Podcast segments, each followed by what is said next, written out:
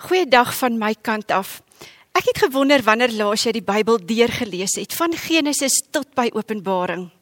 Het jy geweet dat die slim mense vir ons sê uit 365 dae as jy die Bybel in 1 jaar wil deurlees, het jy maar 72 uur nodig. Jy kan sommer oor middagete by die werk een van die 50% boeke in die Bybel vat wat jou minder as 'n halfuur gaan vat om deur te lees. Of jy sou die 5 boeke kon neem wat jou minder as 5 minute neem om deur te lees. Ek dink aan 3 Johannes en 2 Johannes, Obadja, Filemon, Judas. Ek wil vandag uit die 27ste boek van die Bybel lees. En hier's 'n wonderlike verhaal wat ons soveel leer oor ons geloof en oor wie God is. En mag hierdie verhaal jou vandag aanvuur om net weer die Bybel op te tel en dit te lees. Bill Hybels het gesê Bible verses are not merely to inform us but to transform us. En mag die woord van die Here jou jou vandag verander. Ek lees uit Daniël 3 vanaf vers 1. Koning Nebukadneser het 'n goue beeld laat maak 30 meter hoog en 3 meter breed en dit laat oprig in Deradal in die provinsie Babel.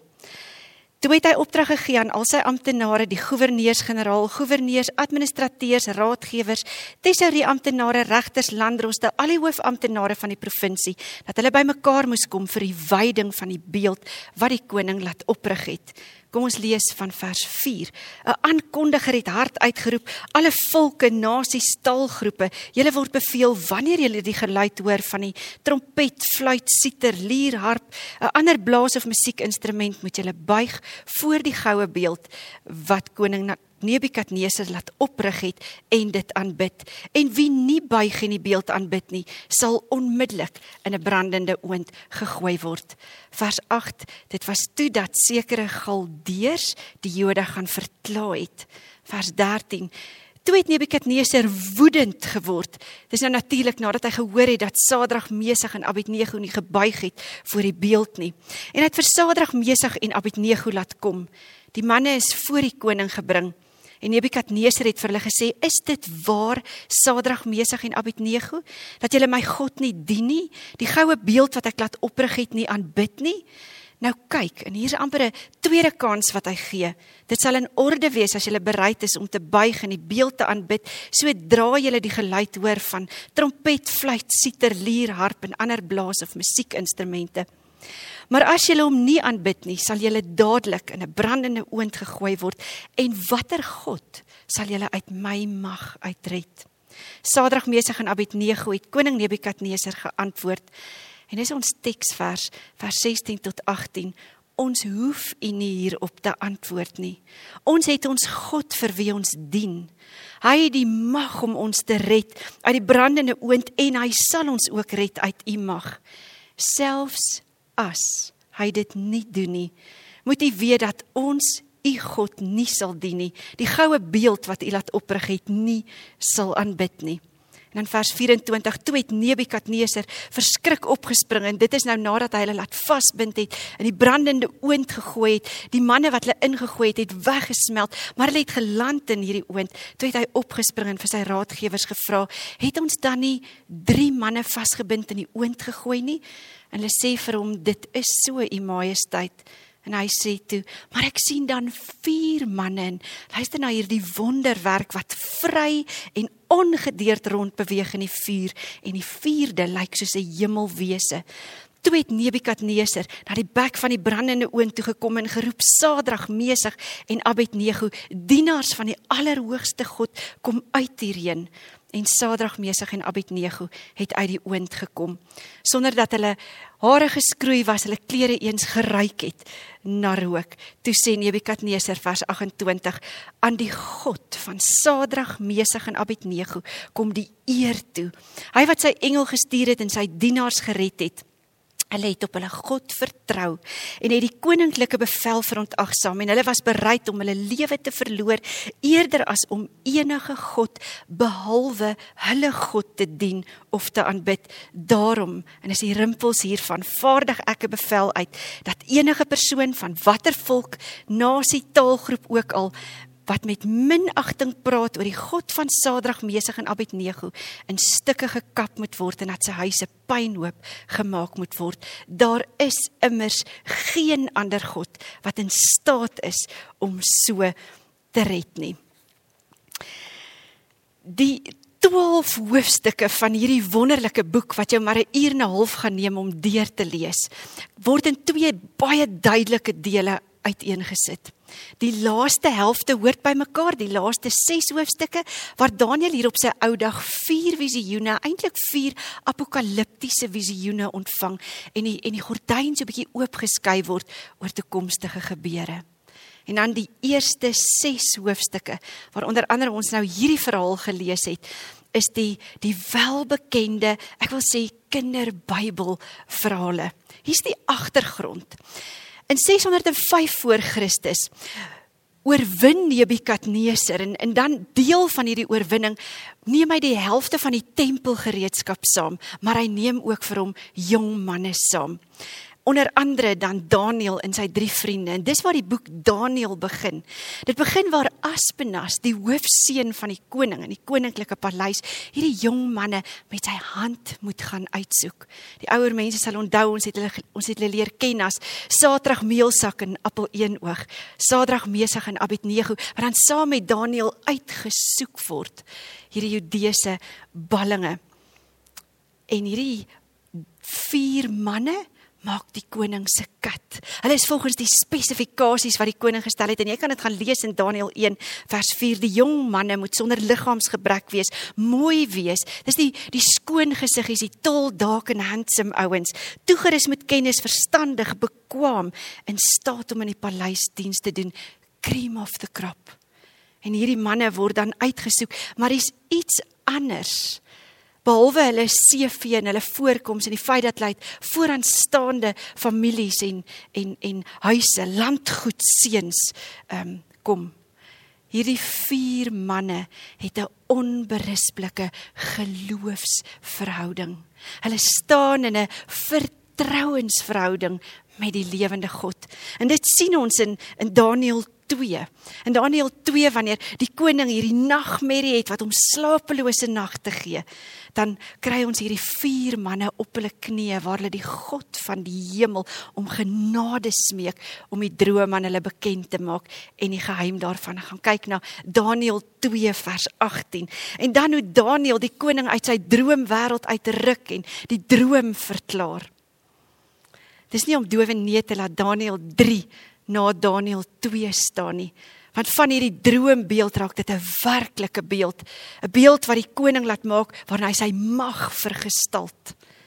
En dan het ons hierdie verhaal gelees hoe die hoe die Here hierdie hierdie drie vriende van Daniël vuur bestand maak in die hitte van die oomblik. En dan Daniël 5 skuif die verhaal van die vuur oond na die wine and dine van koning Belsasar in die in die skrif teen die muur, die hand wat skryf geweeg geweeg getel en verdeel geweeg en te lig bevind en dan skuif dit na die leeukuil waar waar die Here eintlik kan ek sê back en kaak operasie op die leeu's uitvoer en hulle bekke sluit sodat Daniël niks oorkom nie en ongedeerd uitstap.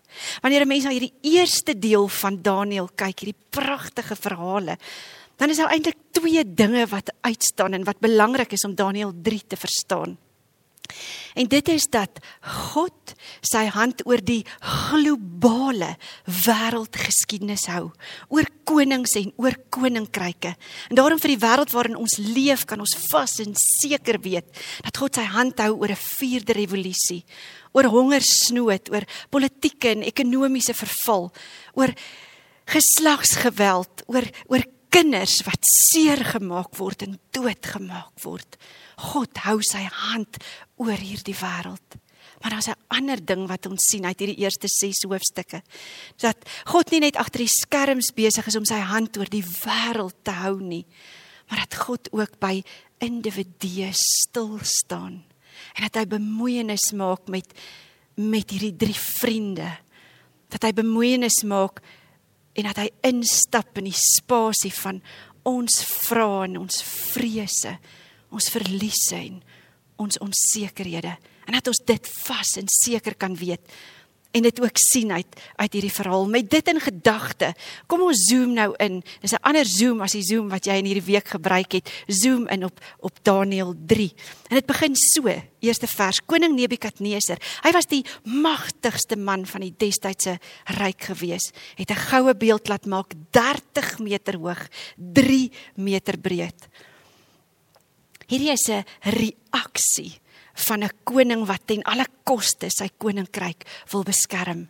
Want hy het gehoor van 'n van 'n ander koninkryk wat 'n bedreiging inhou vir sy koninkryk. Is dit nie maar die reaksie ook wat ons in Matteus 2 lees nie? Daardie reaksie wat Herodes gehad het toe toe hy al die seentjies van 2 jaar en jonger laat doodmaak om ten alle koste net sy troon en sy koninkryk te beskerm met Jesus se geboorte. Wat hier gebeur is Nebukadneser maak hierdie beeld staan.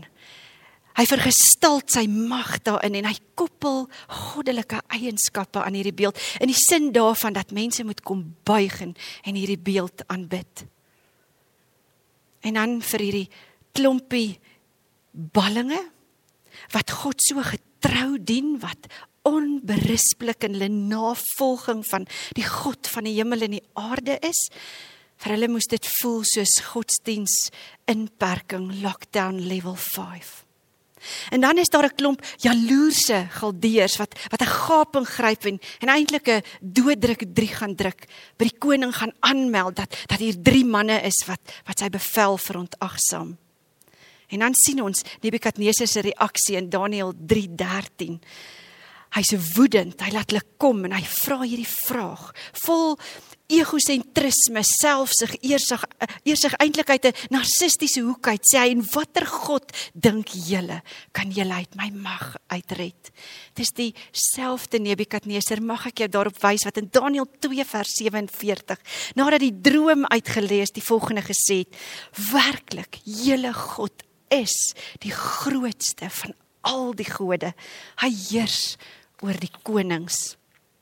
Maar hier is net een blokkie waar jy jou kruisie kan trek of by Nebukadneser en sy visie en wie aanbid moet word of die vuuroond. En dan hierdie roerende teks. Sadrag, Mesig en Abednego het Nebukadneser so geantwoord op die vraag: "Watter God dink julle gaan julle uit my mag uitred?" Ons hoef nie hierop te antwoord nie. Ons het ons God wat ons dien en hy het mag om ons te red uit die brandende oond. En hy sal ons ook uit u mag uitred. Selfs as hy dit nie doen nie moet u weet dat ons u God nie sal dien nie. En die goue beeld wat u laat oprig het nie sal aanbid nie. Wat 'n roerende geloofsbelijdenis. Watter geloofstil wat wat gebore is uit 'n uit 'n verhouding, 'n liefdesverhouding met die lewende God wat ons eerste lief gehad het. En dit laat hierdie drie manne staan, onwrikbaar, standvastig in hulle geloof, amper onverskrokke. Veral ook in hierdie sin, ons het ons God wat ons dien. Ons hoef nie eers hierop te antwoord nie, sonder om 'n oomblik af te wyk, sonder om 'n oomblik terug te tree of terug te deins. Want kyk wat gebeur, kyk fyn wat gebeur in hierdie oomblikke wanneer wanneer hulle geloof viral gaan. In hierdie oomblik dan dan raak die trompet en die fluit en die en die harp en die blaas en die musiekinstrumente doodstil. En kinders van die Here kan amper die die musiek van Psalm 150 hoor wat sê dat alles wat asemhaal die Here loof.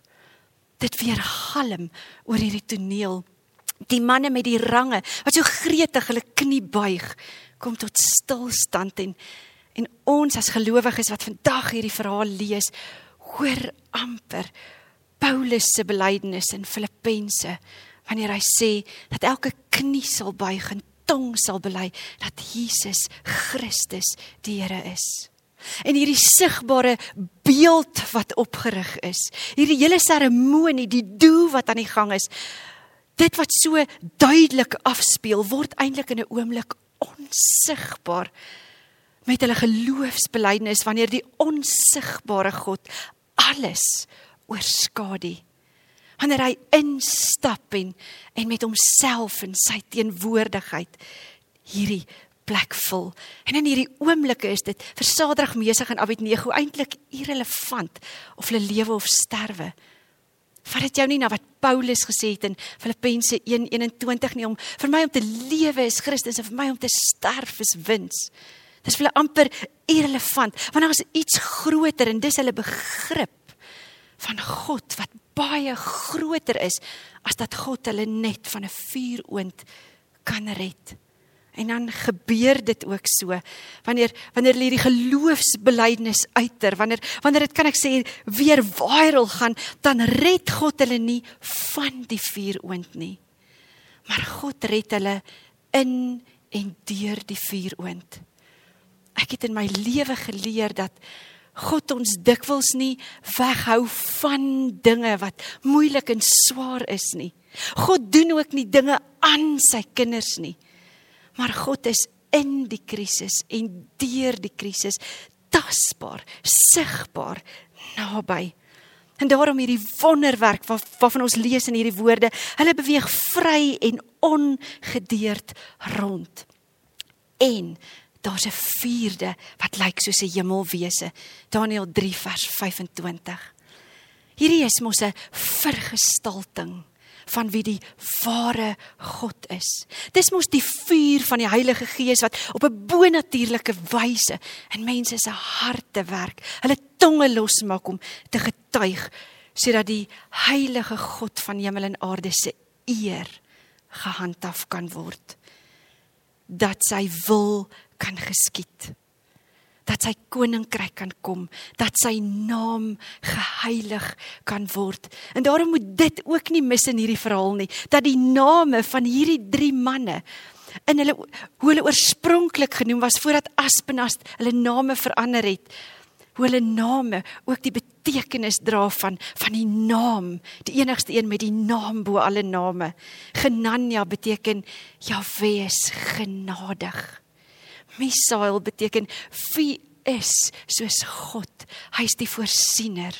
En Asaria beteken Jahwe het gehelp. Sy naam het die eer gekry wat sy naam toekom. Dit gebeur wanneer mense oorgee. Wanneer mense uit die pad uit staan wanneer ons nie meer eersigtig en selfsugtig is nie, maar maar voor die Here kom staan. Dit gebeur wanneer mense geloof aangryp en in afhanklikheid voor die Here leef. Dis geloofshelde wat wat geloof soos die Hebreërs skrywer definieer, nie net by 'n definisie hou nie, maar maar wat dit leef. Geloof is om seker te wees van dit wat ons hoop en om oortuig te wees van dit wat ons nie kan sien nie. En daarom ook die afloop van hierdie verhaal, die rimpels wat oorloop tot in die koninkryk. En daarom begin Daniël 4 op hierdie noot. Ek betuig met blydskap dat ek die tekens en die wonders wat die allerhoogste God gedoen het, kon belewe. Hoe groot is sy tekens, hoe magtig sy wonders. Sy koninkryk is 'n ewige koninkryk en sy heerskappy sal duur van geslag tot geslag. Daarom hierdie koning Daniël 3:29 wat 'n bevel uitreik dat niemand niemand meer met minagting oor die naam van die God van Sadrag, Mesig en Abednego sal praat nie. Wat doen hierdie verhaal met jou? Hierdie verhaal bring ons verseker by 'n plek om te vra wat van my geloof sal ek kan vas staan wanneer 'n vuuroond situasie op my pad kom.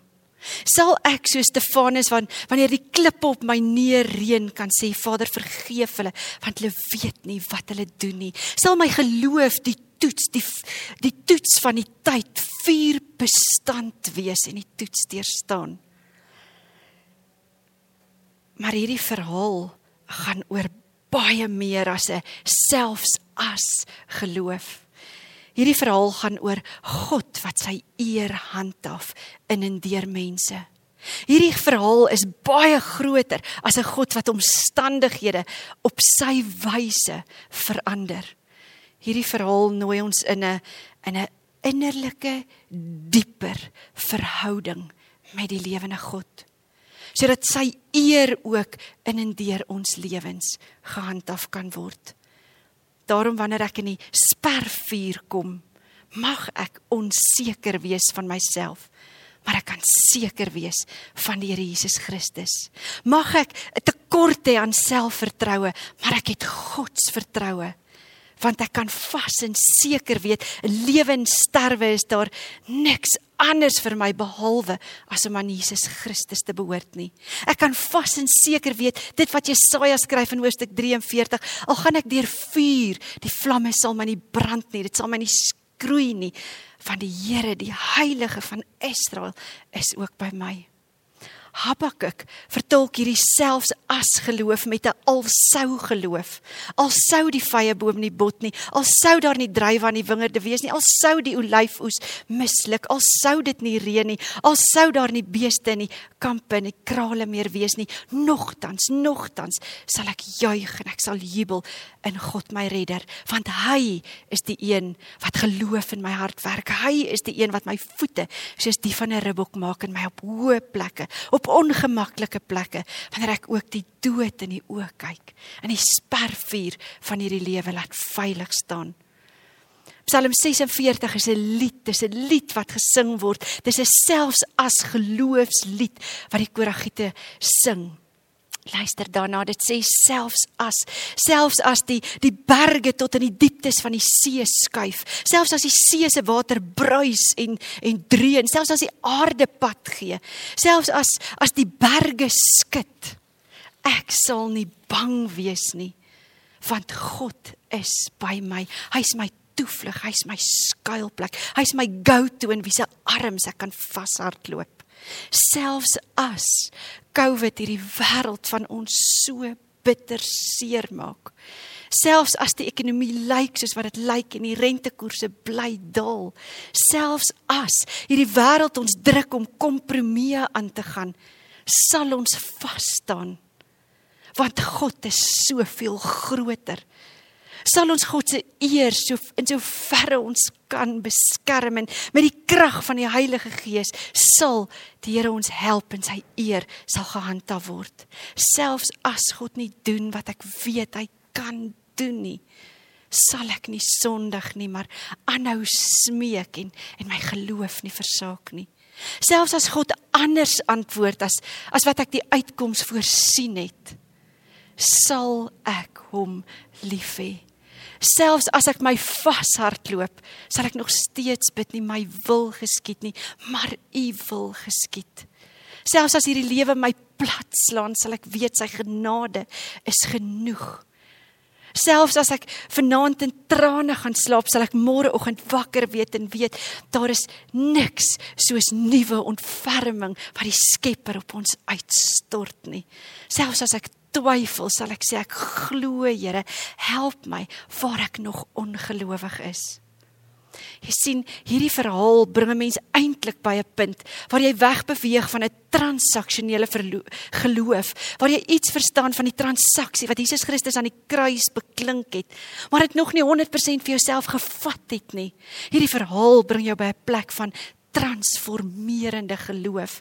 Transformerende geloof om die woord te vat en die woord te lees en dit te lees en dit te lees. En mag ek hierdie uitdaging vir jou gee om die Bybel te vat en dit te lees dat dit jou infiltreer. Want dit is wat die woord met ons doen en hoe hy ons transformeer wanneer dit ons infiltreer. Hierdie verhaal bring ons by 'n plek om om bidend ingestel te leef op die een wat sy eer handhaaf in hierdie wêreld. Hierdie verhaal bring ons by die vuur van die Heilige Gees wat kragtig werk in mense se lewens en ons laat vas staan in ons geloof. Dit bring ons by plekke om te kies, oor en oor te kies vir God en vir sy saak. Hierdie verhaal bring ons by by getuienis.